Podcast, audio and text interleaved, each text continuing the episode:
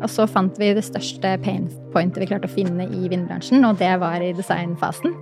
Så det er det vi, vi satser på nå. Vi må først og fremst tenke industri, og så må vi heve ambisjonene. Og så må vi fornye forretningsmodellene.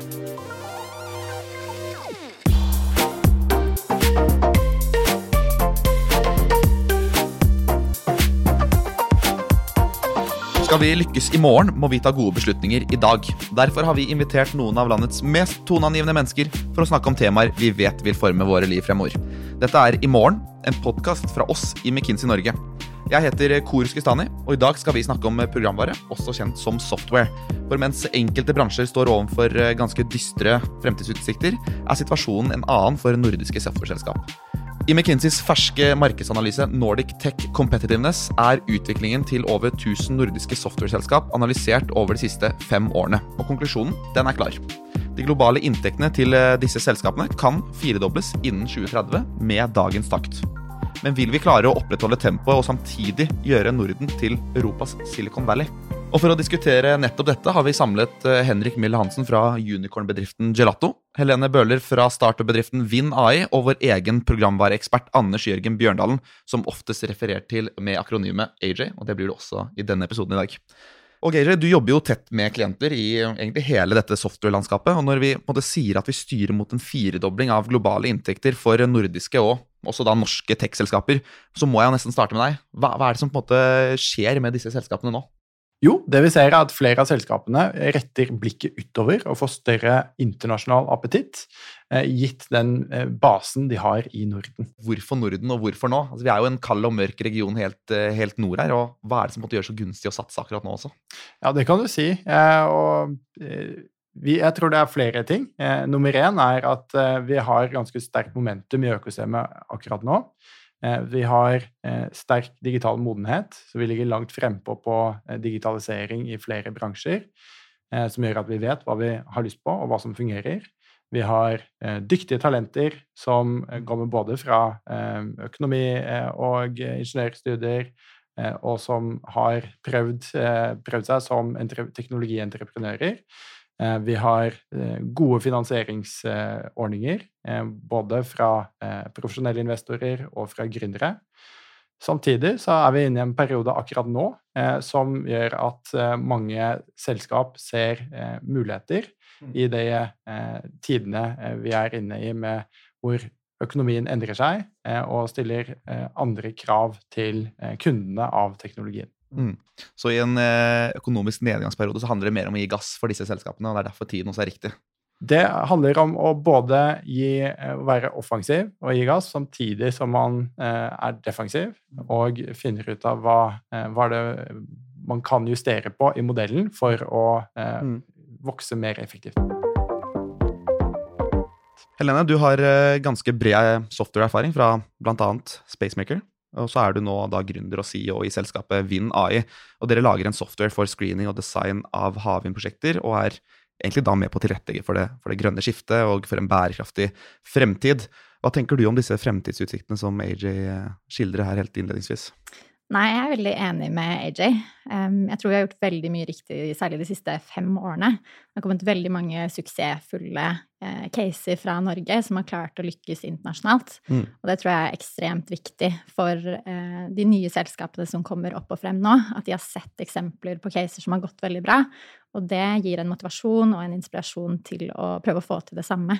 Mm. Så jeg tror det er en kjempeviktig del av puslespillet. Mm. Og et godt eksempel på et sånt selskap er jo nettopp Gelato. Henrik, du fant opp dette selskapet for da 15 år siden, eller rundt 15 år siden. Før det så var det også i Tele2, så du har jo ganske god tech- og software-erfaring totalt sett. Nå har dere erobra verden og jakter milliarden. Og for de som ikke har hørt om selskapet Gelato. Jakter, det gjorde vi forrige året. Ja, ikke sant? Nå får dere det i år, tenker du? Eller har dere Nei, det gjorde vi forrige året. Gjorde vi, passerte, vi, vi, gjorde sånn ca. 110 millioner euro ja, nettopp. i omsetning forrige året. For de som ikke har hørt om uh, selskapet, kan ikke du forklare helt enkelt hva, hva Gelato ja. gjør og er? Vi begynte vår resa mm. i Oslo med å eh, bygge en software som connectade til nordiske eh, Eh, produktionssenter av eh, konst, eh, böcker. och sen mm. så, i takt med at nätverket eh, växte runt om i världen så expanderade vi också vår produktportfölj. Så om du som e-handelsentreprenör eh, önskar att sälja mm. till eh, kunder utanför landet eh, som du bor i, mm. så eh, måste du lösa produktionen, du måste lösa distributionen. Och vad du då gör det är att du connectar din e-handelsbutik till Gelato. Mm. Och sen så när du säljer, om vi säger nu att vi sitter i Oslo, du har en mm. e-handelsbutik eh, som du har satt upp och så säljer du till en kund i Brasilien, du säljer till en kund i Australien. Mm. Då använder du Gelato eh, för att producera i Brasilien, för att producera i Australien. Och då tar vi hand om allt, produktionen och distributionen. Så du rätt och slätt liksom kan vända dig till hela världen som din marknadsplats. Och det är någonting som mm. du som enskild individ kan i princip gå head to mm. head med eh, H&M eh, eller Ikea i förlängningen i takt med att vi tar in mer och mer mm. produkter. Um, så local production, local distribution uh, för en enskild individ som har en nettbutik, det är det vi ger dig som, som kund til Gelato. Nettopp. Og Hva er grunnen til at måte, denne utviklingen skjer nå? Er det på en måte, noen særlig grunn, og ikke for 20 år siden? Eh, jeg tror det er, eh, har skjedd veldig mye de siste årene, som sagt. Det er mye investoraktivitet, særlig i tidlig fase. Eh, og det er kjempeviktig for å få opp nye lovende selskaper. Du må ha investorer der for englerundene og for seed-rundene mm. for å få norske selskaper ut i verden. Og det, der har det skjedd veldig mye de siste årene, så jeg tror det er veldig viktig for timingen. Og så er det akkurat som Henrik sier, at det at du har selskaper som har kommet før oss, det gjør at det er veldig veldig gunstige tider nå. Mm. Jag tror vi som entreprenører, og jeg har jo eller min kone Isabella og jeg har investert i Startup Lab, eh, Norse Fund. Eh, så man prøver jo liksom å hjelpe hverandre, for att det er ekstremt painful å bygge selskap. Mm. Og Hva er det som gjør at det hele tiden er rom for nye aktører i dette store software-landskapet? Og hvorfor er det ikke slik at det bare er noen få store aktører som dominerer absolutt alt? når det kommer nye produkter? Um, ja, men om vi ser på Norden, du var jo også inne på det i din intro her. Altså, fra dag en egentlig, om vi ser på meg, så tenkte vi aldri liksom Norge, Norden. Vi tenkte globalt. Mm. For det, ska du bygge et stort selskap, så er liksom, Hva er vi, 27 millioner i, i Norden, Tyskland er 80, mm. eh, USA er 300 plus. Så Eh, om du har globala växtambitioner så vet du liksom från dag en, du är nött till att, att dra ut. Och med den ambitionsnivån så finns det rum för massa växt i väl etablerade industrier. Um, och så tror jag också liksom att um, när du ser på AWS, när du ser på Adyen, Klarna, um, alltså det har ju kommit plattformsteknologier som också gör det möjligt för sällskap i lilla Norden mm sett i globalt perspektiv, som redan fra dag én kan accessa economies of scale. Mm. Och det är liksom så, det, det så vi aldrig. Det är liksom, om du sammanlignar det för 20 år sedan, det, det fanns ju liksom, den möjligheten var icke här då. Mm. Så jag vet hur, hur, hur, tenker du der? Liksom? Jeg tror det er kjempeviktig. Eh, AWS bruker vi på alt vi gjør, og det gjør at vi kan skalere ut til hele verden uten å tenke på f.eks. at vi må ha egne servere eller sånne type ting. Eh, så det gjør at um, terskelen for å gå inn og starte nye bedrifter og, og få ideer, den er veldig, veldig lav. Så um, det er et kjempeviktig poeng. Ja, så en, en, ting som jeg tenkte på også, det er dette med rollemodeller. Um, og om vi tenker på, vi, man kan jo kalle det for Bjørn Borg-effekten eller Grete Weiss-effekten. Mm. Altså, hva var det, 1979 eh, så slo Grete Weiss, jeg tror verdensrekord för, för damer med mm. under 2.30 på, på maraton i New York. Och Björn Borg eh, tog 11 Grand Slams eh, mellan 74 och 81.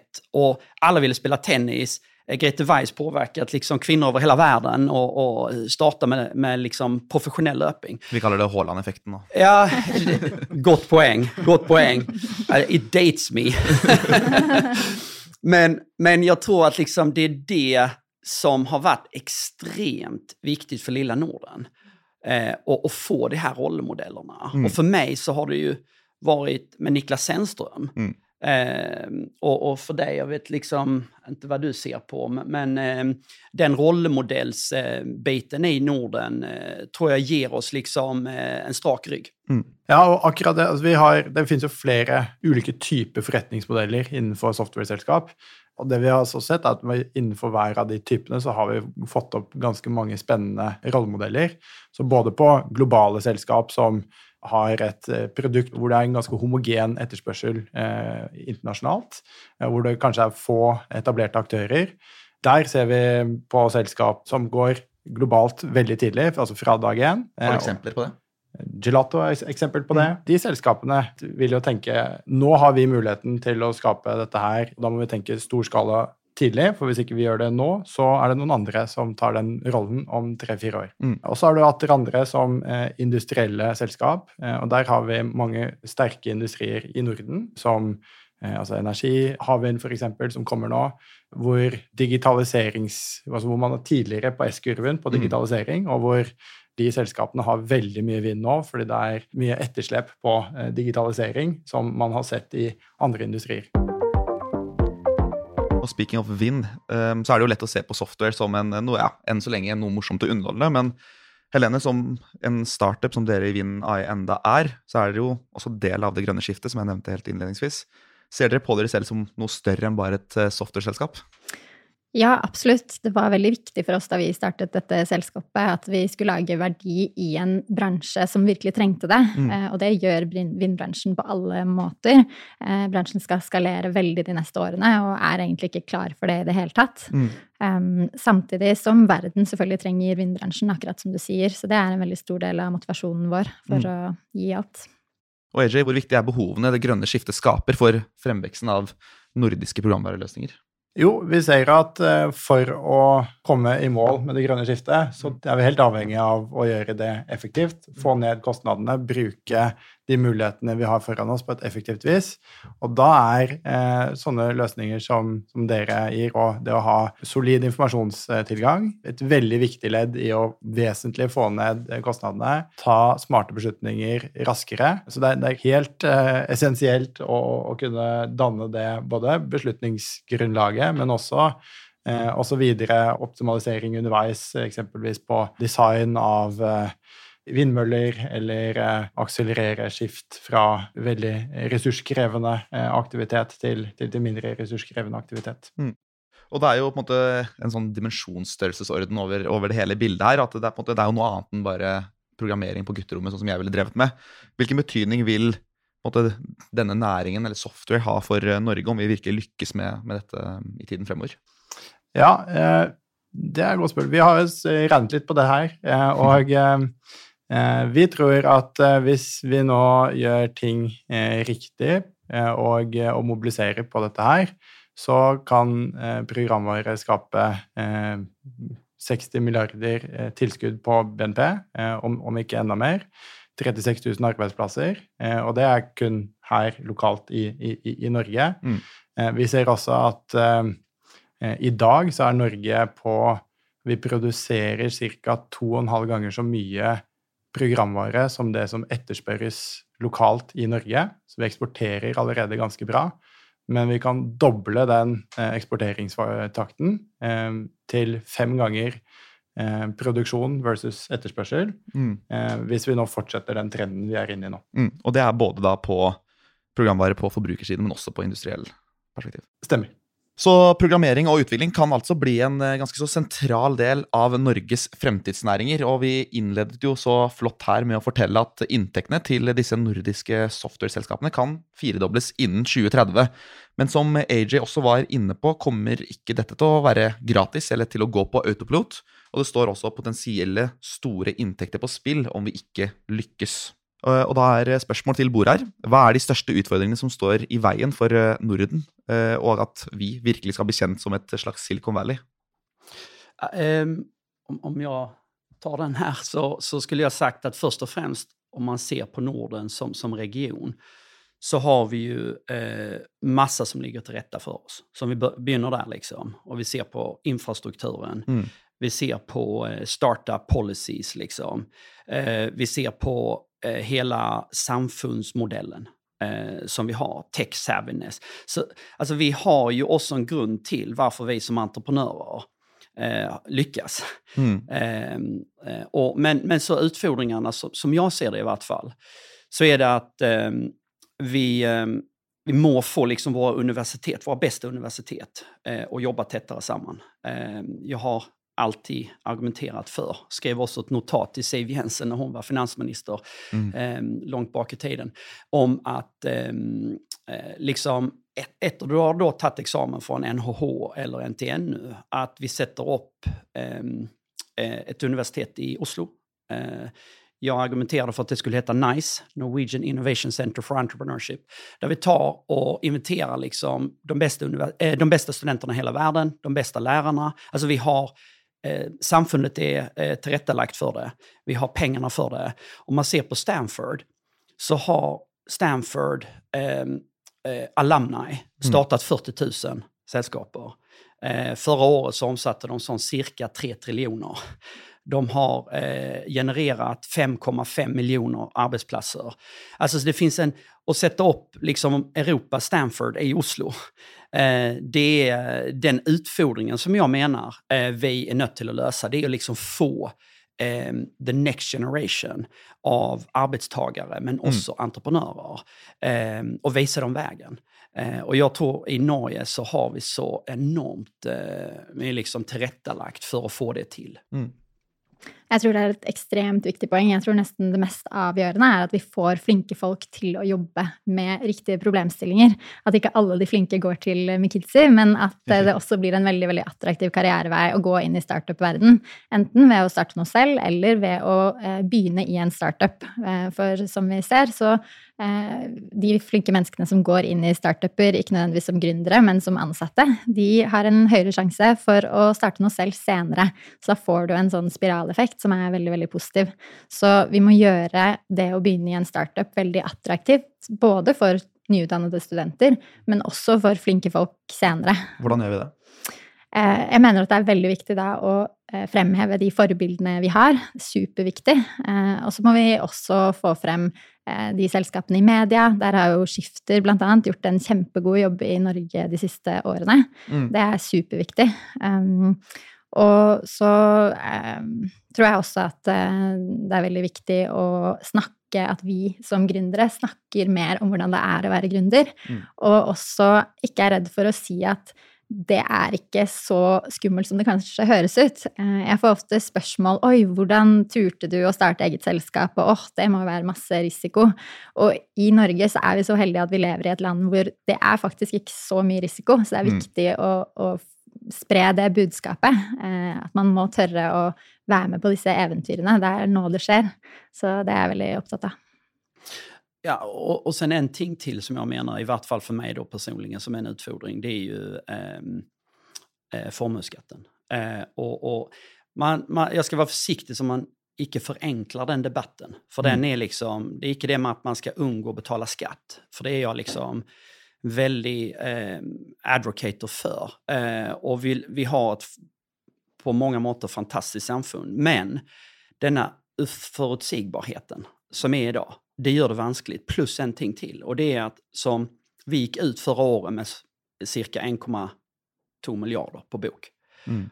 Och det att jag ska betala förmånsskatt på arbetande kapital i sällskap som jag har icke access till de pengarna. Mm. Det menar jag är, ähm, det är ju heldigt. Mm. Äh, och, och det, det lägger icke till rätta för att ta in betydande belopp och bygga liksom riktigt stora globala sällskap. Liksom. Spotify har fortfarande inte tjänat pengar, men är, har en värdesättelse på som cirka 300 miljarder. Mm. Eh, så att, och, och ska, du, ska du bygga den typen av sällskap så är du nött till att lägga till rätta för att mm. vi kan ha arbetande kapital på balansräkningen mm. utan att jag ska sitta och betala formuesskatt för det. Mm. Och vi ska inte göra det till en politisk debatt, Nej. men uh, Nei, vi, vi, Men det er utfordringer. Altså. Kommer ikke foruten. Nei, vi har jo, eh, På verdsettelsene har det gått eh, litt ned det siste, eh, siste året i takt med eh, økonomien. Mm. Eh, så det, eh, det, er helt tydelig at kravene som investorene stiller til programvareselskapene, er annerledes enn det de var i 2021. Så det vi ser, er at det som korrelerer i sterkere grad med høye verdsettelser, er ikke bare høy vekst, men, men også kombinasjonen av vekst og, og, og lønnsomhet, så det vi kaller effektiv vekst. Mm. Eh, og det er eh, selvfølgelig spesielt for, for store selskap. så det eh, Mindre selskap har fortsatt en, en del runway hvor det primært er vekst som driver driver verdsettelsene, mens effektiv vekst blir veldig viktig tidligere i, i stadiet enn det det var bare for et og et halvt år siden. Og Hvordan balanserer man denne vektingen mellom vekst og lønnsomhet? Det er viktig å tenke både eh, offensivt og defensivt samtidig. Eh, det å sette høye ambisjoner, eh, sånn som det å, som du beskrev tidligere, det å sette Det er globalt fra dag én, det er ambisjonen. Samtidig må man være veldig tydelig på hva er det som ikke liksom, er støtter maks opp mot den ambisjonen. Hva er det vi kan eh, gjøre mye enklere? Eh, hva er det som ikke blir på, måte, på toppen av prioriteringslisten? Mm. Eh, og, og, det å kombinere eh, denne eh, tenkingen med eh, Kombinere offensiv og defensiv tanker samtidig. Nei, jeg tror dette med effektivitet er kjempeviktig. Eh, og det er jo noe vi som ganske ny startup tenker mye på. Hvordan kan vi være så effektive som mulig med ressursene våre?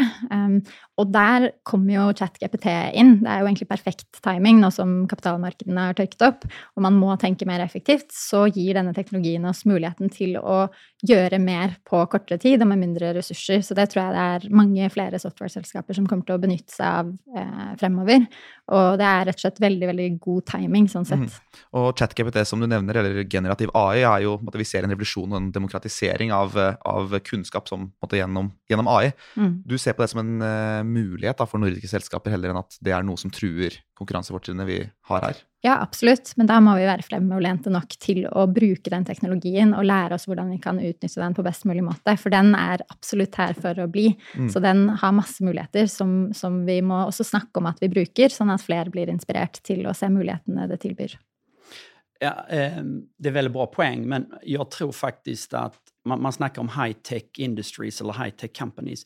Jeg tror man skal snakke om low-tech companies, og at low-tech companies sitter med en ordentlig utfordring mm. i, i, dagens värld. För att alla kommer eh, tvingas att eh, vända sig mot ChatGPT. Och om du inte gör det så, så faller, du, faller du efter.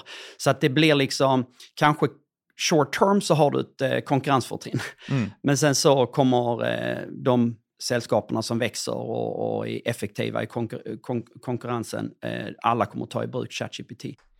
Det virker som vi er eh, ganske godt rusta for å løse utfordringer som dukker opp på denne eh, spennende veien som er i vente. Men når jeg først har samlet dere tre her i studio til litt høyttenkning, høytenkning, så er det jo på en måte naturlig å spørre hva blir egentlig Nordens neste store globale eksportsuksess innenfor software? Eh, jag hoppas inte en, men många sällskap och det som ni gör eh, är ju extremt spännande. Och det är en, en, en ting som jag har tänkt massa på. Jag läste en artikel för sån tio år sedan om, det hette Statoil då, mm. Eh, om Equinor. Och den teknologin som har utvecklats för horisontell djuphavsborrning, som ett exempel. Mm. Så att vi har ju haft väldigt framgångsrika software-sällskaper, mm. som definieras som är en annan industri, men som också bygger på software i mångt och mycket.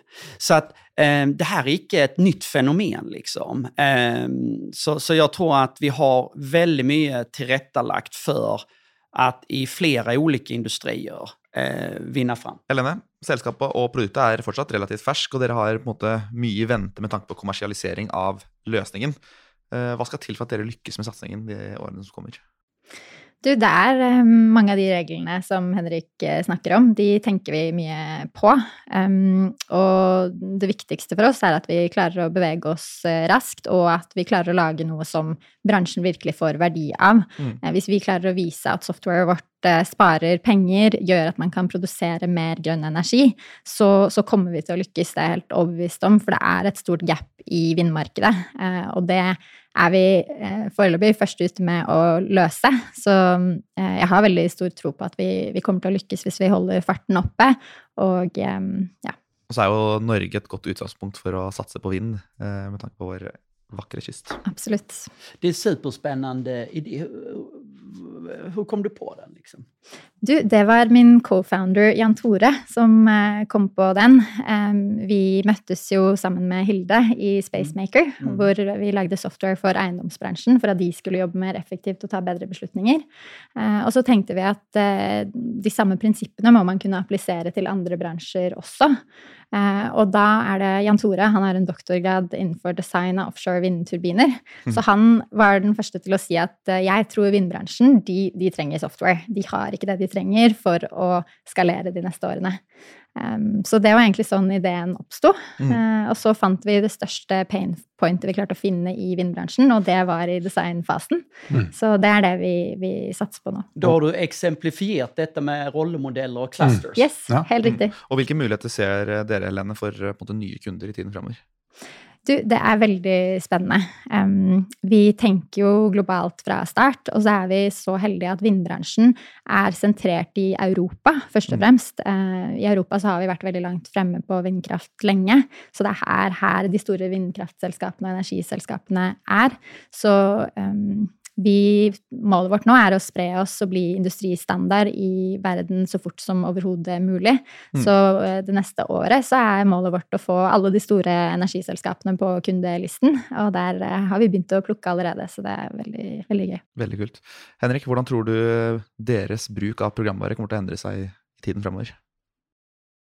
Eh, jeg tror at vi kommer å bygge videre på det vi har byggt sista 15 åren. Och i princip så är det ett operativsystem för eh, lokala production hubs eh, och producera on demand eh, när du tränger det, där du tränger det. Eh, och när du lägger till 3D-printing mm. till det så kan du i princip liksom allt som vi har i detta rummet, om 5-10 år så kan du producera det eh, over gelato. Mm. Och det har enorma konsekvenser från ett eh, bärkraftsperspektiv. Så vi, eh, vi, vår linje er lagd, så det er mer et spørsmål om hvor raskt vi skal eh, vokse. Selskaper må være på ball for å bevare denne posisjonen i fremtiden. Så da vil jeg til slutt spørre alle dere tre. Hva er den ene beslutningen vi må ta i dag for å lykkes med å gjøre Norden til Europas Silicon Valley i morgen? For å etablere Oslo til världens Silicon Valley så skulle jag sagt att eh, bygg upp NICE, Norwegian Innovation Center for Entrepreneurship och eh, liksom attrahera världens bästa studenter og lærere til Oslo. Mm. Ja, jeg tror også studenter er eh, nøkkelen til suksess. Jeg tror det er der eh, bottlenecken er. Så vi må utdanne og kurse flere utviklere for å lage gode software-selskap i Norge. Og så må vi motivere dem til å gå inn i startup-verden. Mm. Da blir det du som får siste ordet her, AJ. Hva er den ene beslutningen vi må ta i dag for å lykkes med å gjøre Norden til Europas Silicon Valley i morgen? Eh, vi må først og fremst tenke industri. Og så må vi heve ambisjonene.